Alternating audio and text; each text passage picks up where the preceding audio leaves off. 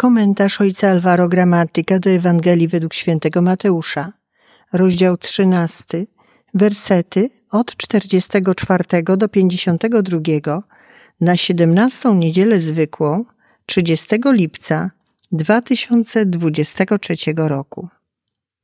Jezus opowiedział tłumom taką przypowieść. Królestwo niebieskie podobne jest do skarbu ukrytego w roli. Znalazł go pewien człowiek i ukrył ponownie.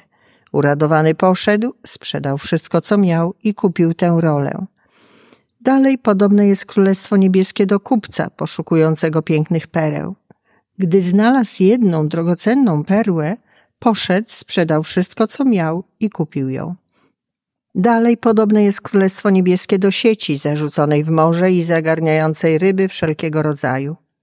Gdy się napełniła, wyciągnęli ją na brzeg i usiadłszy, dobre zebrali w naczynia, a złe odrzucili. Tak będzie przy końcu świata.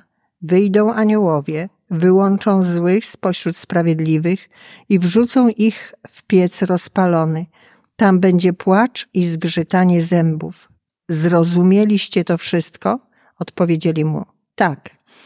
A on rzekł do nich. Dlatego każdy uczony w piśmie, który stał się uczniem Królestwa Niebieskiego, podobny jest do ojca rodziny, który ze swego skarbca wydobywa rzeczy nowe i stare.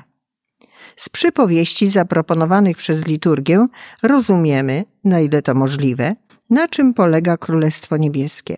Królestwo Niebieskie jest poszukiwaniem, znajdowaniem czegoś, co wydaje się być ukryte, ale jest obecne. Jest zaproszeniem do szukania daru łaski obecnej w naszym życiu, obecności Boga tam, gdzie myślimy, że go nie ma. W rzeczywistości znajduje się skarb ukryty w roli, znajduje się drogocenną perłę ukrytą nie wiadomo w jakiej części świata. W morzu łowi się ryby, wśród których są też te dobre.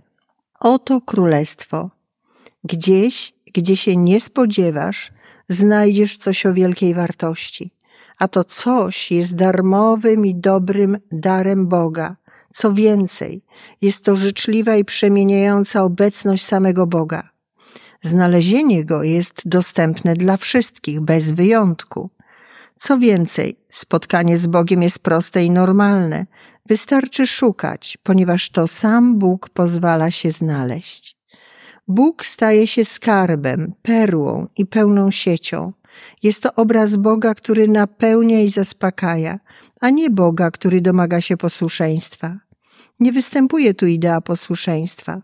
Dominuje natomiast idea hojności i darmowości, która zadziwia. Jednocześnie sam Bóg staje się tym człowiekiem, który znajduje skarb i ukrywa go, aby nikt go nie ukradł i kupuje pole, na którym skarb jest ukryty, który przebiera się za kupca szukającego drogocennych pereł i je znajduje, który staje się rybakiem, który zarzuca sieć w morze świata i zabiera nas do swojej łodzi. Jest Bogiem, który zawsze działa, zawsze stara się wyjść nam na spotkanie, aby nas uszczęśliwić. A my jesteśmy tym skarbem, tą perłą, tą rybą.